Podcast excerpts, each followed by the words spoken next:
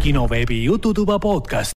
tere tulemast kuulama kinoveebi Jututuba. see ei ole meie saja kolmekümne kolmes, kolmas saade, see on hoopis erisaade.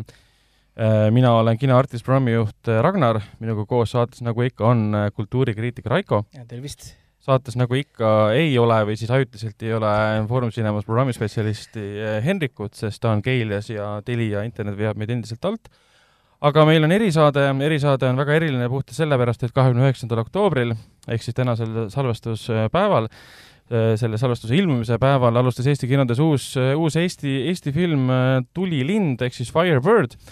ja kuna meil on saates filmi režissöör ja filmi peaosatäitja, kes on ka produtsent ja stsenarist, siis, ja mõlemad on produtsendid ja stsenaristid täpsustuseks, siis me peame, peame saadet tegema inglise keeles, aga, aga hiljem tuleb ka eestikeelne osa juurde selgitava, selgitava tekstiga. ehk siis praegu me jätkamegi inglise keeles. Hello, Peter, the, the, uh, the director, producer and uh, writer of the movie uh, Firebird and hello, Tom, the main actor, producer uh,, music supervisor and uh, writer of uh, Firebird. Hi. Hello. Thank you for coming uh, to our our show. Um, we don't have uh, much time, uh, so let's dig in with the questions uh, about the, about the movie. Yesterday, the movie premiered at Artis, which turned out was the first public premiere of, of the movie in Estonia. Um, and uh, on Tuesday, the movie premiered at um, Alexela Concert Hall. It has been two days after the first premiere. how are you guys feeling? Sleepy. Okay. tired. Excited and tired. It's it's been a long marathon to release the film and to get everything ready and uh, and it was amazing to see uh, the reaction uh, on Tuesday night at Alexela and also to see the reaction last night in uh, in Artis. Um, especially, I think for me, it's it's really really important to feel the audience who actually buy the ticket, and I was so glad that you know so many people actually had bought the ticket. yeah, the movie is is doing uh, great, but as we don't have time, we uh, I I know uh, uh, Raiko wants to ask some very very specific questions uh, from uh, from Peter and uh, and Tom. Uh, yeah, uh, I was also at the premiere at the Alexela concert hall, and uh, first of all, you know, I lo- I love the movie, um, but I do have some questions. uh, I think the the first question is that most likely some people ho- have already asked. Um, why isn't the movie fully about Roman? Because it seems that Roman is, in like in a movie wise, a better character. To at least you know uh, that's what it seemed to seem to seem me. Interesting. Um, interesting question because for me, foremost, it's Sergei's story, um, and Roman kind of comes into Sergei's life, changes it, and and then leaves again. Uh, I've never really seen it as romance story. Um, it's that's a, that's a really interesting point of view. Um, yeah, I mean, we we always based it on the original story, and uh, and uh, yeah, that's that's actually that's the first time that I I Ah, even think about it. I don't know. What about you, Tom? Well, we could write out Sergei and make it all about Roman, um, but I'm not sure it would be quite the same captivating story. Uh, in the sense that really it's a story that is based on entirely on true events. It's of, of, of Sergei's story and how um, Roman kind of comes into his life and obviously doesn't remain within his life as well. So um, it's really a uh, story telling a, and leaving a legacy of something that happened and two people that met. And uh, yeah, I'm sorry it disappointed you that we Uh, didn't uh, focus no, enough on no, Roman. No, uh, it's not really like a disappointment. It's just um, you know, as as a pretty much a lifelong critic now, I always can't stop you know thinking, and uh, it kind of seemed to me that you know Roman as a center character would maybe have a lot more, but you know uh, that's that. So you said it's a fully based on the story, the story of Roman is the original story, right? Yep, which Sergei Fetisov wrote uh, in the 90s actually and published in Russia about the time when he uh, served in the Soviet Air Force Base at Haapsalu in the 1970s and then his basically his life story of meeting Roman and their relationship with uh, with Roman and Luisa through the years, ending with the Afghan war. Okay, and uh, um, e- are all the events in the movie based like uh, actual real life events, or you changed like some of the things in there? Um, a lot of them are real. Nearly all of them are real, actually. Like the accident which happens, the way that they met uh, is very close to truth. Um, probably a couple of the things that we actually made the most uh, changes to are um, the character of Louisa and how we decided to represent the the sort of female perspective in the film. It was immensely important to us to have a very fair perspective towards Louisa's character, whereas in the original story, it is quite unfair um, and actually puts her to blame for everything that happens.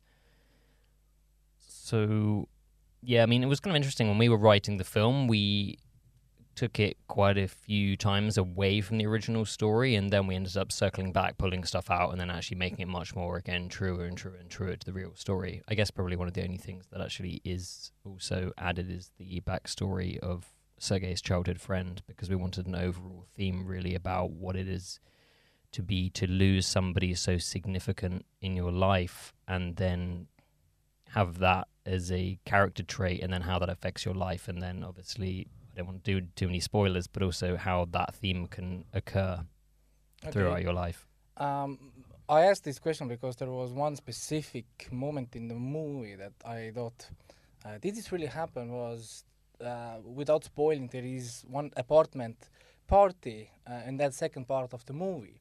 Was that like based on real event? Yep, uh, you mean th- where the pilots and the Yeah. uh, actors are together? Yeah, because we were actually questioning, like, well, wouldn't anybody guess, uh, you know, like, be uh, worried? And we spoke to uh, people who were in a same-sex relationship in uh, Moscow in the 80s, and they said no, uh, you could not share an apartment with another woman, a girl. That would be absolutely no, like unmarried men and women sharing an apartment, but two guys, friends, just two friends sharing. So it's it's it's interesting because for uh, for me also it's like wouldn't everybody guess? But at the time, it wasn't a subject matter. Nobody discussed. So actually, the historical truth is like one person, and we di- we did quite a lot of interviews also with people who served in the military and had same-sex relationships, and one person said, in the 70s, in the Soviet Union, nobody questioned. Nobody asked me because it was not the subject of discussion, and nobody even would ever like uh, kind of suspect unless there was like something very visible. And that's that's a really interesting point that you brought out because we had the same doubt that well, w- you know, was that realistic? That wouldn't they be like, oh, why are you living here with this uh, uh, pilot academy student? Okay, and um, I'm going to grill a little bit more. So when you wrote the script, uh, there is a huge part, you know, when Sergei is at the uh, uh, theater school, and you pretty much skip that part, like, like at full. There is like really few mentions, and you like hint that there might be something happening at there, but we never really like see or understand. So uh, why like why did you choose to cut that part out of the story? Uh, not to make a three-hour film. Okay. we we cut we had to cut out a lot. I mean, there was an amazing sequence in the script uh, where Sergei goes back to his home village and the relationship with the mother, and I mean a lot of other cool stuff that we just couldn't fit in, and some of it we cut before shooting, and some scenes after shooting even. So- yeah, there's a lot of killing your darlings that happened. We wrote a lot of really, really amazing scenes into the film, and we literally had to strip them out as well. So some people will never see that. So there will be no director's cut or ultimate cut or final cut. Our first cut was two hours and 14 minutes. The final cut is one hour and 47. Um, but I, I actually, this is the producer's director's cut. I mean, we've been working on it together with Tom uh, pretty much 24 7 and Tambet Tasuja. And, and it's, since we didn't have a studio telling us, like, you have to do it this way, then I would say it's, it's also the director's cut. Yeah, because you had lots of creative freedom, but as the budget is about 4.2 million, um, did you know when when you started to write the movie what would the, the budget be, or did you envision that would be that expensive at the beginning of the project? Very beginning, we hoped we could do it for about two and a half, and then we hoped we could do it for about three, and finally we were fortunate enough. I mean, we finished uh, uh, shooting. We didn't have all the money for post production, so we had to like raise it, and uh, and we just believed that we can make it happen because we couldn't compromise. I mean, that was one rule that we don't make any compromises uh, because then you don't have an amazing film. Uh, talking about compromises, uh, let's talk about maybe about COVID for uh, for a change. Um, I don't know if if you if you want me to mention that, but the movie uh, premieres at the same time um, on on a VOD platform, your own VOD platform. Um, how did that happen? And and I, I know why it happen, uh, and, and because this is the situation where where we are, but it's kind of a one of a kind situation for Estonia. Um, there are, have been a couple of previous examples, but not for that kind of a big movie. Yeah, um, because of the pandemic. Uh, obviously, we would, in a normal time, fully back and support only cinemas, but uh, because about half of the people either can't or are, or are afraid to go to cinemas to make it available, um, we don't see that the pandemic really will change, you know, in the next couple of weeks, and uh, for that reason, yep, we we made it available uh, from today on our own website firebirdmovie.com and also in partnership with Delphi. Okay, um, bec- because Tom is leaving, there are a couple of things I wanted to ask Tom more. Um, I wanted to ask uh, about uh, your biggest challenges because you know I don't know anything about acting, but I'm always trying to figure out what goes through their minds when doing certain scenes. And uh, for me, the most interesting scene was, I think, for most people, the last scene between uh, Sergey and Louisa. So when you started shooting that scene, like how do you prepare for that?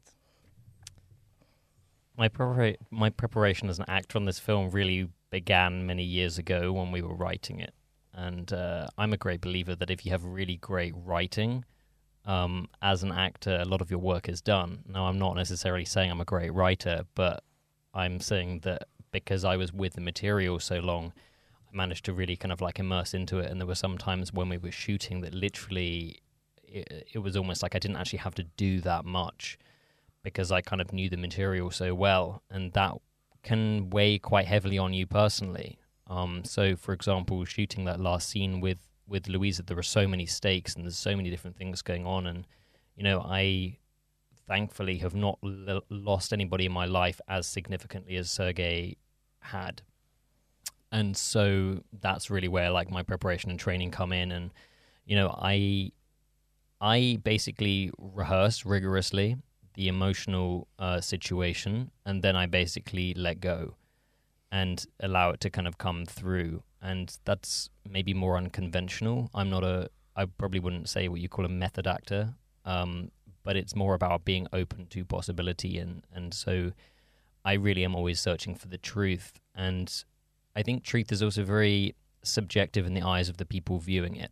So, for example, there are an innumerable number of ways to receive the news that the love of your life has gone who's to say that you have to burst into tears or you have to get super angry or to you know um, collapse or faint or whatever it might be sometimes it's literally as as as small as oh because the body and the whole energy and the environment and all your connections to that can be that significant and of course then the grief will come at different moments but i as an actor am fascinated by showing ways and reactions which also you wouldn't necessarily consider to be the way you'd expect them to be.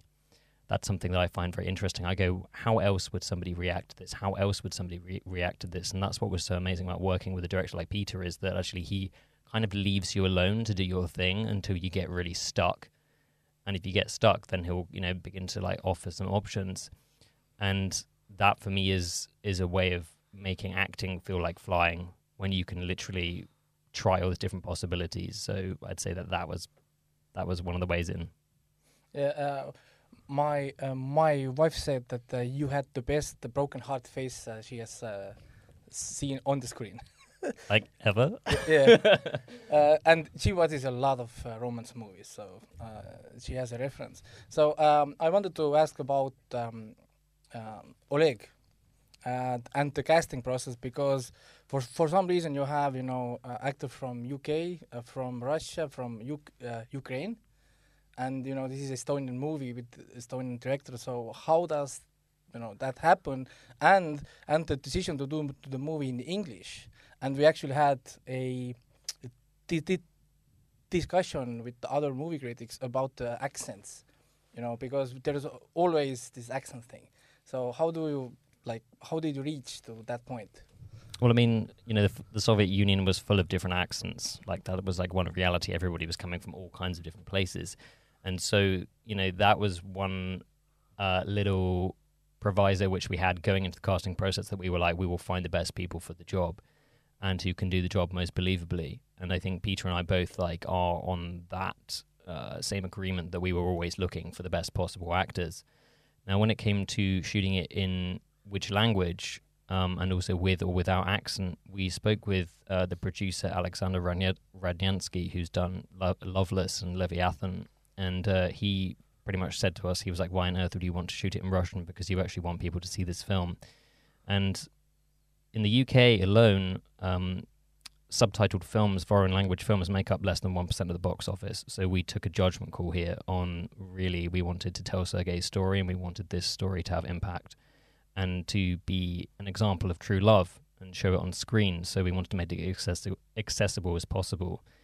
And then when it came to doing the accents, we actually hired a really amazing dialect coach called uh, Catherine Cholton, and she basically um, specializes in you know actor act, actor accents, and really decided to take the world on.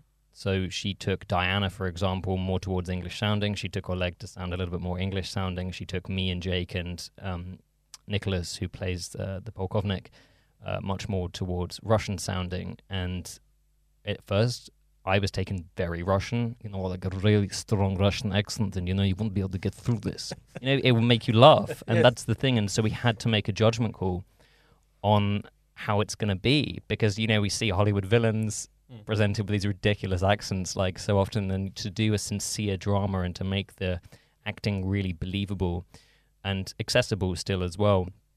We basically took it very far, and then we just started cutting away at it, and it was like, what sounds can we cut away? And then leave and have hints of and actually honestly doing a subtle accent as opposed to a, a significant accent is very difficult. And i think that uh, our lead team have done an amazingly good job at being able to get that. And i think that for that reason as well there is a little bit of forgiveness having it been set in the soviet union and people will acknowledge the fact that there were so many people from so many different places. But you know the accent's not going to work for everybody because obviously some of the estonians are like well we can hear the estonian accents by some of the supporting cast. And in generally in the world, like we show the film, film a lot in America, and people think that the accents are fantastic because they get like they can't differentiate Estonian and Russian and all the kind of different like Baltic states together. And um, so yeah, I think we basically did the best possible uh, job we could. Okay, so uh, this is now five thirty, so I guess we're out of time with uh, with Tom. Yes. Yep. Um, thank you, Tom, uh, for coming. Uh, we will continue in Estonian with uh, with uh, Peter, and we hope the movie does really well, and uh, pandemic doesn't affect it that much, uh, as it has affected everything else in our lives and my daily life. Mhm. But yeah, thank you for coming. thank you so much. nii, aga jätkame, jätkame Peetriga ilusas sulaselges eesti keeles, mitte et inglise keeles rääkimise vastu midagi meil, meil oleks. Meil siin äh, pausi ajal tekkis, mul tekkis kiire küsimus, seda ei saa spoilerdada, filmil on üks konkreetne kaader lõpus, me ei saa, me ei ütle välja, mis see on, ma pigem küsiks, et mida sa nagu tahtsid selle viimase kaadriga öelda üldsõnaliselt ilma spoilerdamata. jah, see ongi minu küsimus. kas Sergei jaoks on äh, lugu läbi või äh, või varitsevad siin veel ohud? et, et ku- kurjus ei puhka. kurjus ei puhka ja, ja muidugi see minu jaoks, kes vaatab neid Marveli suuri filme, viitas see umbes sellele, et aa, teine osa on tulemas. End, end credit, credit siin. no täpselt Te-, täpselt. teist osa vaevalt nüüd tuleb, aga, aga jah, kui kuulata helidisaini, siis kuuleb seal nagu mingeid selliseid väga häid vihjeid. meil oli tegelikult seal üks teine kaader ka, mis näitaks asukoha ära, kus asi toimub, aga siis ma mõtlesin, et see oleks liiga lihtne, et äh, siis, siis on see vahest on hea jätta natuke lahtisemaks, aga kui hästi tähelepanelikult ja ma ei taha spoilerit anda, kuulata heli selles kaadris, siis see annab äh, väga tugevaid vihjeid. ma võin pärast no äh, nii, no nii. peale lindistust li- juurde kommenteerida isegi, isegi võib-olla ei ole vaja, me peame lihtsalt uuesti siis me vaatama. vaatame uuesti ja, ja mõtleme välja ise mm. -hmm. see, see ongi see osa müsteeriumist. aga, aga ma nüüd äh, räägiksime natukene sellest visuaalsest poolest filmist, oli üks asi, mis mulle väga meeldis. ta oli minu arust hästi ilusa niisuguse, niisuguse pildiga film ja ma tahan eriti rääkida ühest konkreetsest äh, stseenist, mis tõenäoliselt ka ma arvan, on palju räägitud, on, on seal teatrikoolis, kus siis Oleg ja Sergei mõlemad toetavad seina ja on ilus see väga sümboolne lõhe jooksmas mööda seina, et kuidas, kuidas see tseen nüüd ekraani peale jõudis? Äh, ma arvan, et nii nagu palju häid asju elus, et äh, spontaanselt improviseerides äh, seda meil storyboard'is või kuskil plaanis kirjas ei olnud, me olime need kohad läbi käinud koos Mait Mäekiviga, ma usun, üks kaks-kolm korda kõik asukohad vähemalt ja pool aastat enne võtteid juba. ja võttepäeval vaatasime siis koridoris, et kus me nüüd täpselt teeme, et meil oli ettekujutus, et, et sellised kaadrid siin teeme ja siis leidsime, et näed, et, et siin on maja pragunenud, et äh, super, paneme, paneme näitlejad kahele poole. Pragu saame sellise tugeva visuaalse sümboli, et et samamoodi näiteks see üks minu ausalt öeldes lemmikkaadreid filmis, kus äh, Sergei lamab samblal ja vaatab puid. see sündis nii, et äh, me olime Kaberneme metsas, filmisime kogu seda stseeni, mida ma ei hakka jälle ütlema, mis seal toimub, aga me kõik teame. Äh, ja noh, metsavõte, midagi eriti valgustada ei ole, kõik on valmis, meil on tund aega vaba aega, ootame, et päike saaks õigesse kohta, et saaks võttega alustada ja mis sa ikka teed, ma heitsin lihtsalt sambla peale pikali ja vaatasin puid ja vaatasin, vau, kui ilus. ja siis tekkis mõte. ja noh, nii need, minu jaoks nagu need mõtted on kõige lahedamad, et kui sa lavastajana oled oma kodutöö teinud ja sul on hästi selge plaan ja noh, meil Maiduga tõesti oli ütleme, dialoogistseenid mitte, aga kõik muud stseenid ikkagi selgelt läbi storyboard itud, meil oli selgus noh, ka kuna sellepärast, et tegemist on period piece'iga seitsekümmend seitse, et me ei saa ükskõik kuhu kaamerat panna, et vahest oli nii, et et siit hakkab uus maja, siit hakkab uus maja ja kaamera tohib liikuda täpselt sellest piirist selle piirini, et oleks usutav, eks, et me pidime väga täpselt planeerima, et noh, mingid kohad ka tänu sellele näiteks stseenides võrkpallis ei ole ühtegi üldplaani, kuna noh, asukoht lihtsalt ei lubanud seda. Ja, ja noh, nii, niiviisi ongi, et, et sa tegelikult plaanid kõik oma asjad läbi, joonistad läbi, mõtled läbi, sul on hästi selge.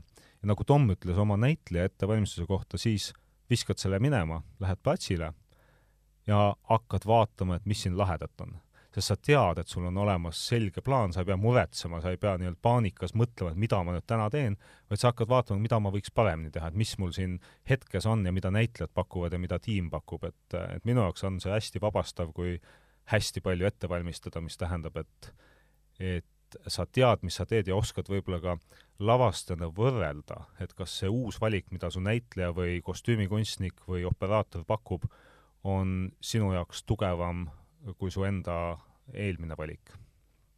jaa, ei see, see stseen oli minu arust nagu ikka väga nagu konkreetne ja, ja rääkis väga palju ja mulle meeldib, kui filmid noh, räägivad ilma dialoogita või noh, nagu nad ei kasuta niisugust väga, ütleme kõik ette, onju.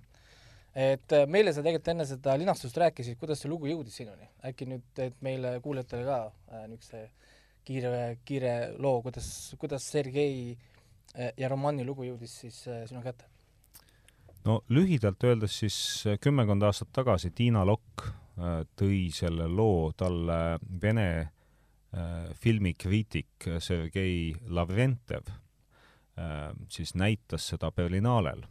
Ja Sergei Lavrentjev on meie filmis ka muide, mängib äh, draamaprofessorit Kitises, see, kes seda hästi lahedat kõne peab, kusjuures selle kõne ta ise kirjutas ja improviseeris võttepäeva hommikul, see on üks väheseid asju filmis, mis ei ole meie Tomiga kirjutatud.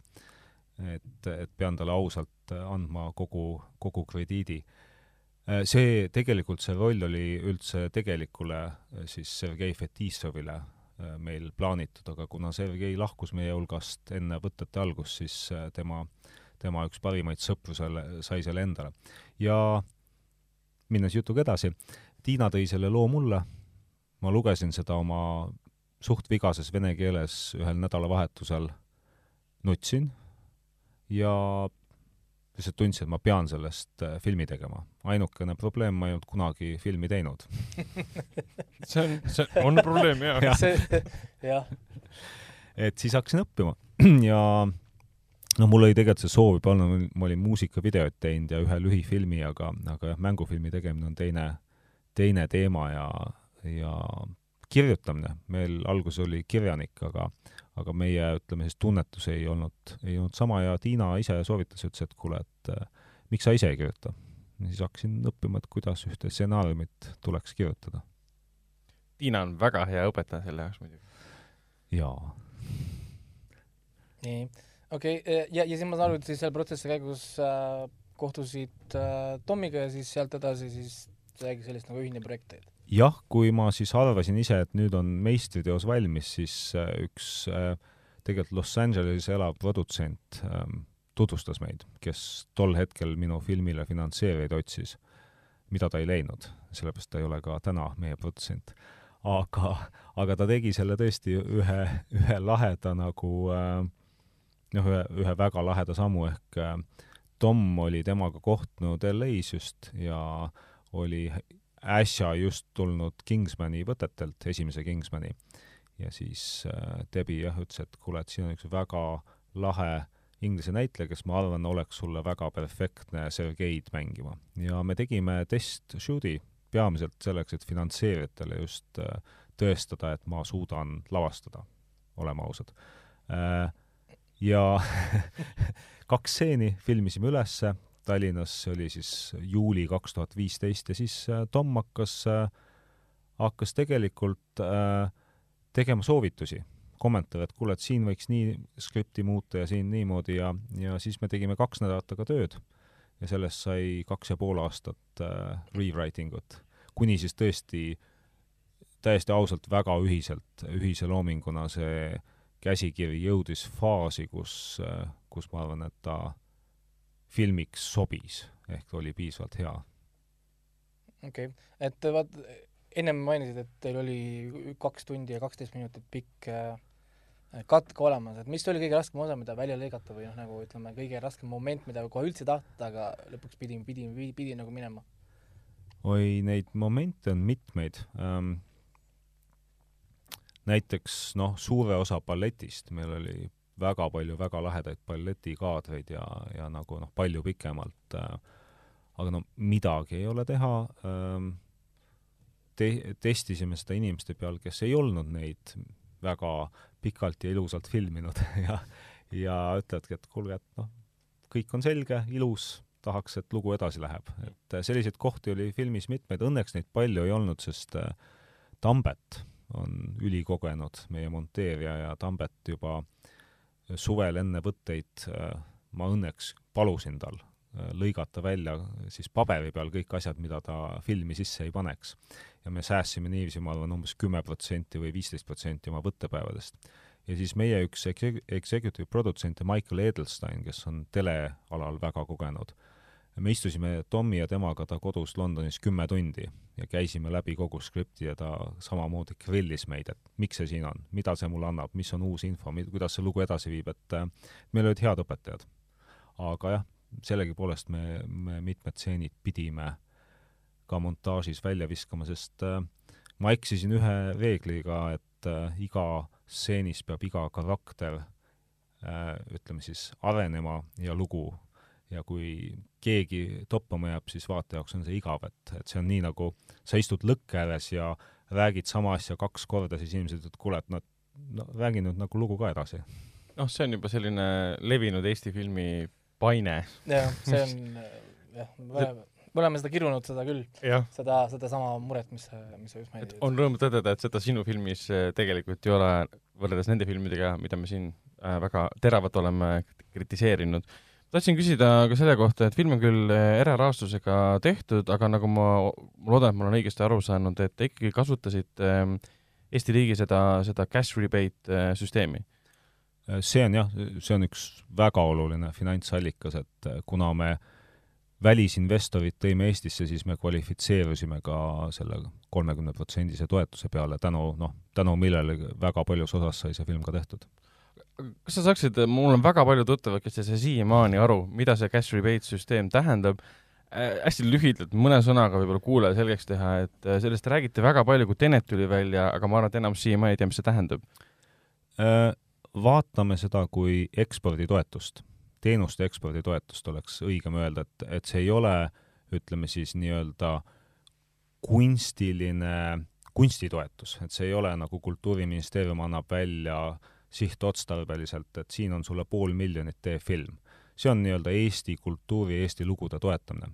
Cash rebate'i mõte on selles, et äh, produtsendid väljapoolt Eestist, finantseerijad väljapoolt Eestit tuleksid ja investeeriksid siinsesse filmitööstusse. ehk siis tegelikult tooksid meie filmitegijatele käivet, tooksid leiva lauale, see on väga selgelt teenuse eksporditoetus, mis tähendab, et kui nüüd toome näite, et meie investor tuleb, toob sada eurot Inglismaalt Tallinnasse, et siin filmi teha selle eest makstakse palka, riik saab sealt sotsiaalmaksu ja kõike muud, selle eest ostakse, ostetakse hotelliöid, sealt saavad inimesed tööd, selle eest süüakse restoranides, sealt saab riik kohe kakskümmend protsenti käibemaksu pluss restorani tulumaksu pluss palkadelt makse.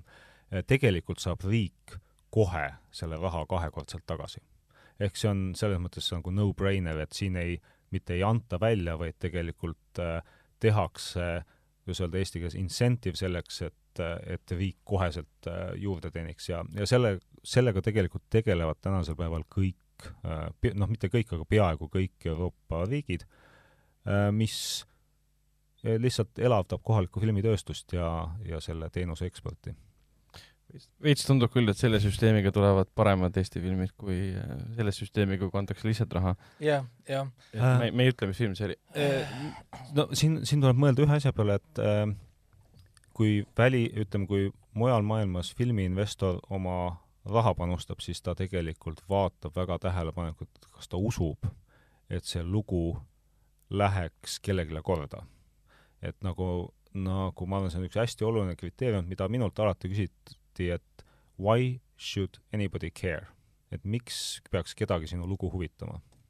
ja ei, see on oluline küsimus tõesti, miks peaks kedagi huvitama ja kui sa ei suuda vastata, siis ma eeldan, et midagi, midagi ei anta no täpselt. selline küsimus ka, et päris inimestest, kes selles loos on, te kohtasite Sergeid kohtasite kedagi teist ka? otseselt mitte. meil on mitmeid, ütleme, prototüüpe teistele tegelastele, aga jah, Sergei on nagu nii-öelda siis sellest tõesti sündinud loost ainuke, keda me kohtasime. okei okay., ja, ja tema ju kaks tuhat seitseteist lahkus vist on ju, kui ma mäletan sealt filmist, nii et äh, tema kahjuks filmi ise ei näinud.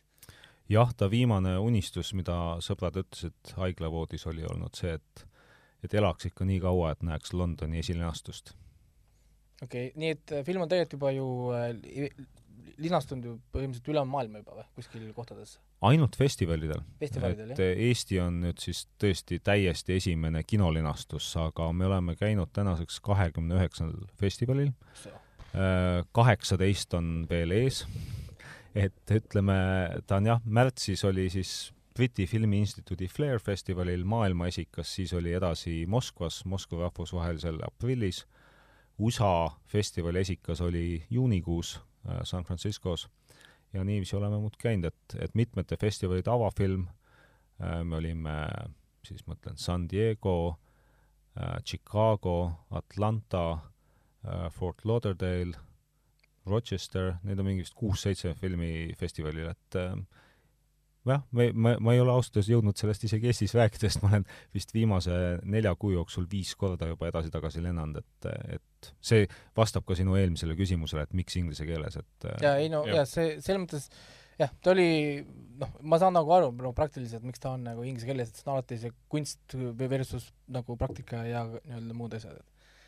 Okei okay, ähm,, aga ütleme, mind, mind väga huvitaks, kuidas äh, Vene kriitikud filmi vastu võtsid no siin tuleb eristada vist, et äh, kuidas nad inimesena vastu võtsid ja mida nad kirjutasid äh, meie, meie Moskva PR-agendil oli tubli tegemist, et saada inimesi äh, üldse kirjutama. inimesed äh, sealsed nagu siis sellised ärksamad ei julgenud äh, teemat üldse puudutada ai,. ai-ai. Äh, sest teema on väga politiseeritud alates kaks tuhat kolmteist ja ja noh, see, mis Moskvas toimus, avas minu silmad, et, et me oli, ma olin ausalt öeldes üllatunud, et äh, filmifestival meid kutsus ja keegi seal tiimis julges meid kutsuda. siis kogu nelja, saja neljakümne seitsmest filmist oli festivalil kaks keelatud armastuse lugu. üks siis äh, ühe vene režissööri poolt ja teine minu oma. Äh, vene režissööri lugu võeti kohe maha, seal ei jõudnud ühtegi linastust toimuda festivali juht on ametlikult seda oma intervjuus öelnud, et mul oli valida, kas võtta maha film või vallandada oma programmijuht. Äh, ja meie lugu nad maha ei võtnud. esimene seanss toimus ilusti, tagasiside oli positiivne, hästi palju sotsiaalmeedia postitusi ja üks positiivne arvustus muidu ka üheksakümne kolmest. üheksakümmend kaks olid üdini negatiivsed, et äh, ala, et eestlane ukrainlane ja britt häbistasid Moskva filmifestivali. sellised headline'id. Äh, Komsomolskaja, Komsomolskaja Pravdat soovitan lugeda, et see oli päris, päris põnev. no, no ütleme nii, et ala, et Youtube'i muusika ja noh, see, seda oli huvitav lugeda, et, et sa näed, kuidas on mingi keskne department riigis, kes otsustab, et mida sellest asjast tuleb kirjutada ja siis kõik kirjutavad enam-vähem enam-vähem vist on saanud ühe ringkirja, et niiviisi tuleb kirjutada. ma ei, ei tee nalja, selles mõttes, et kui lugeda ja analüüsida neid üheksakümmend kahte nii-öelda arvustust, siis need on noh, enam-vähem jääb niisugune mulje, et ühe inimese poolt kirjutatud.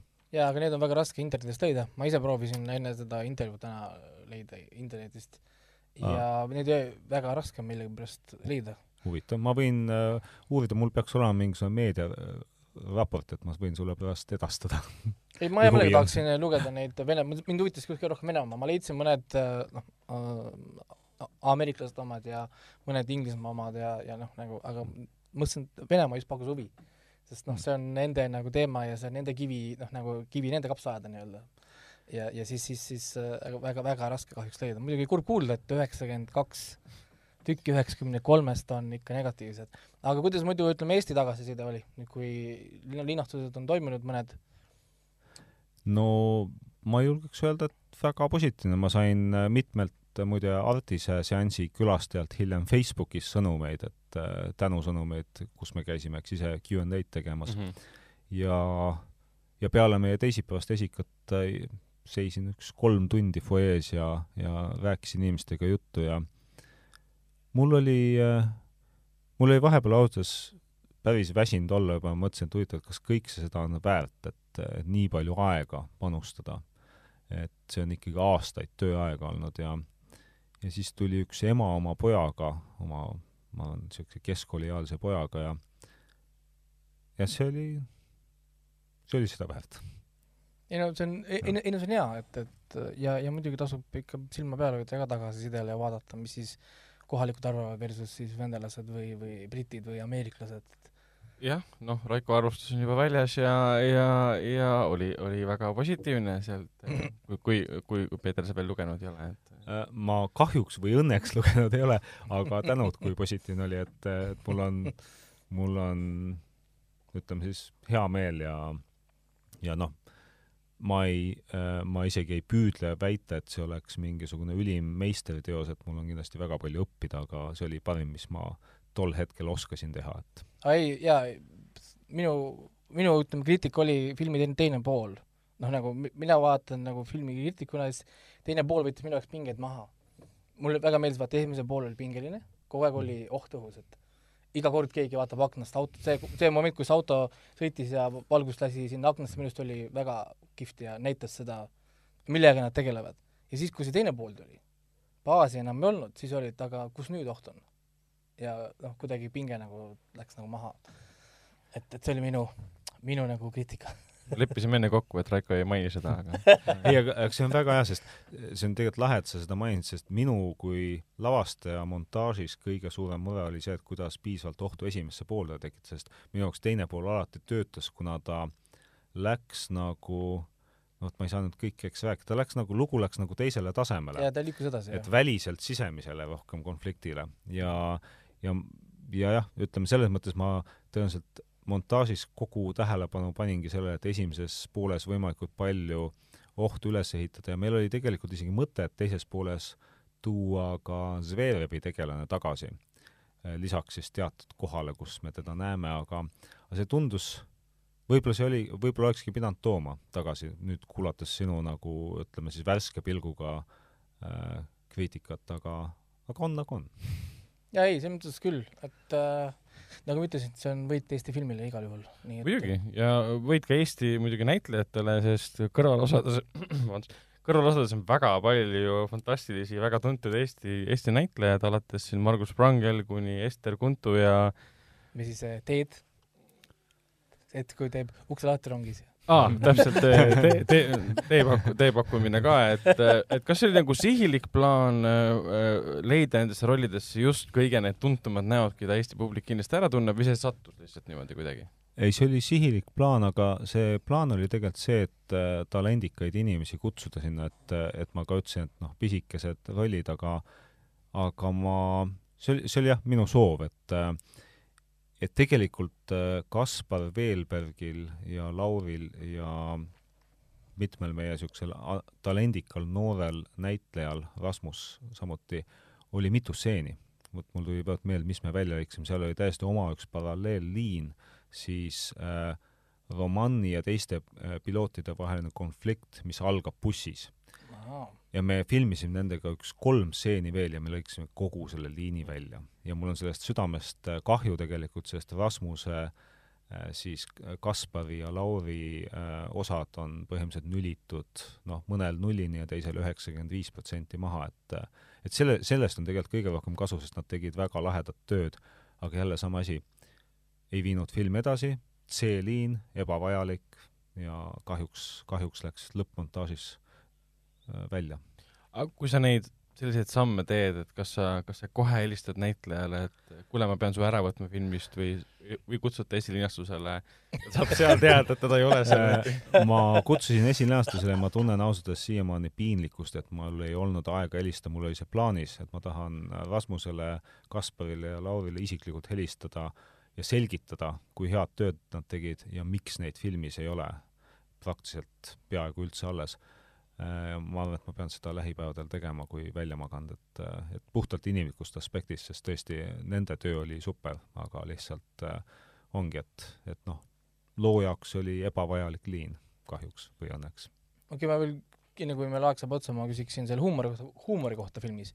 siin oli mitu minu arust väga naljakat kohta, mis noh, saalis saal pani naerma, et see oli ju ka tead-, teadlikult ju sätitud, et see huumor oleks väga mugava intervalli tagant kogu aeg, et jah äh,, minu lavastusprofessor, keda ma elus kõige rohkem respekteerin vist äh, selle kunstialal, Judith Weston, tema, tema alati ütles, et ähm, igas kurvas stseenis peab olema midagi naljakat ja igas naljakas stseenis midagi kurba, et ära mine, ära mine nagu mis see õige sõnaks, klišeeks või noh, sellega, et sa nii-öelda lähed ja, ja lavastad ühte sellist hästi kurba stseeni, et et minu meelest see töötab, et et anda inimestele väikene selline vabanemise hetk ja, ja teistpidi, et elu on ju ka, nagu Sergeigi ütles, et, et pisarad ja naer käivad käsikäes juba filmi esimeses, esimestes ridades, mis muide on ka selle raamatu esimesed vead aa, vot, vot mis tuleb välja. film, film algab ja lõpeb äh, üks-ühele siis raamatu tekstiga, et see esimene, esimene siis äh, luuletus alustab raamatut ja filmi ja romani kiri Sergeile on ka üks-ühele tõlgitud, et tõlkisin ise ja kaks vene keele tõlki käisid üle, et oleks see mõte tõesti viimse detailini ehe. okei okay., nii et natuke kurba ja rõõmsat igas situatsioonis, siis see selgitab seda stseeni siis Sergei ja Luisa vahel, kui ta küsib, kas sa oled kindel? see oli aga selge. Jah ähm,, peamegi lõpetama, aitäh sulle, Peeter, et sa siia tulid, aitäh sulle selle filmi eest, me peame nüüd seda filmi uuesti vaatama minema, sest teada. lõpukaadris on taustal heli, mida me esimene, esimeses joviaalses meeleolus ei kuulnud, siis kõik paksutasid samal ajal, me ei, me, me ei kuulnud. Et, et mul on hea minna Artises lihtsalt päevasele seansile ja vaadata film uuesti ära koos rahvaga um,. Jaa, aga loemegi selle erisaate lõpetatuks, tagantjärgi täname veel Tommi, kes on juba, juba siit ruumist lahkunud ja soovime väga suurt edu teie filmile ja, ja kindlasti, kindlasti soovime teiega veel äh, kunagi kohtuda. aitäh!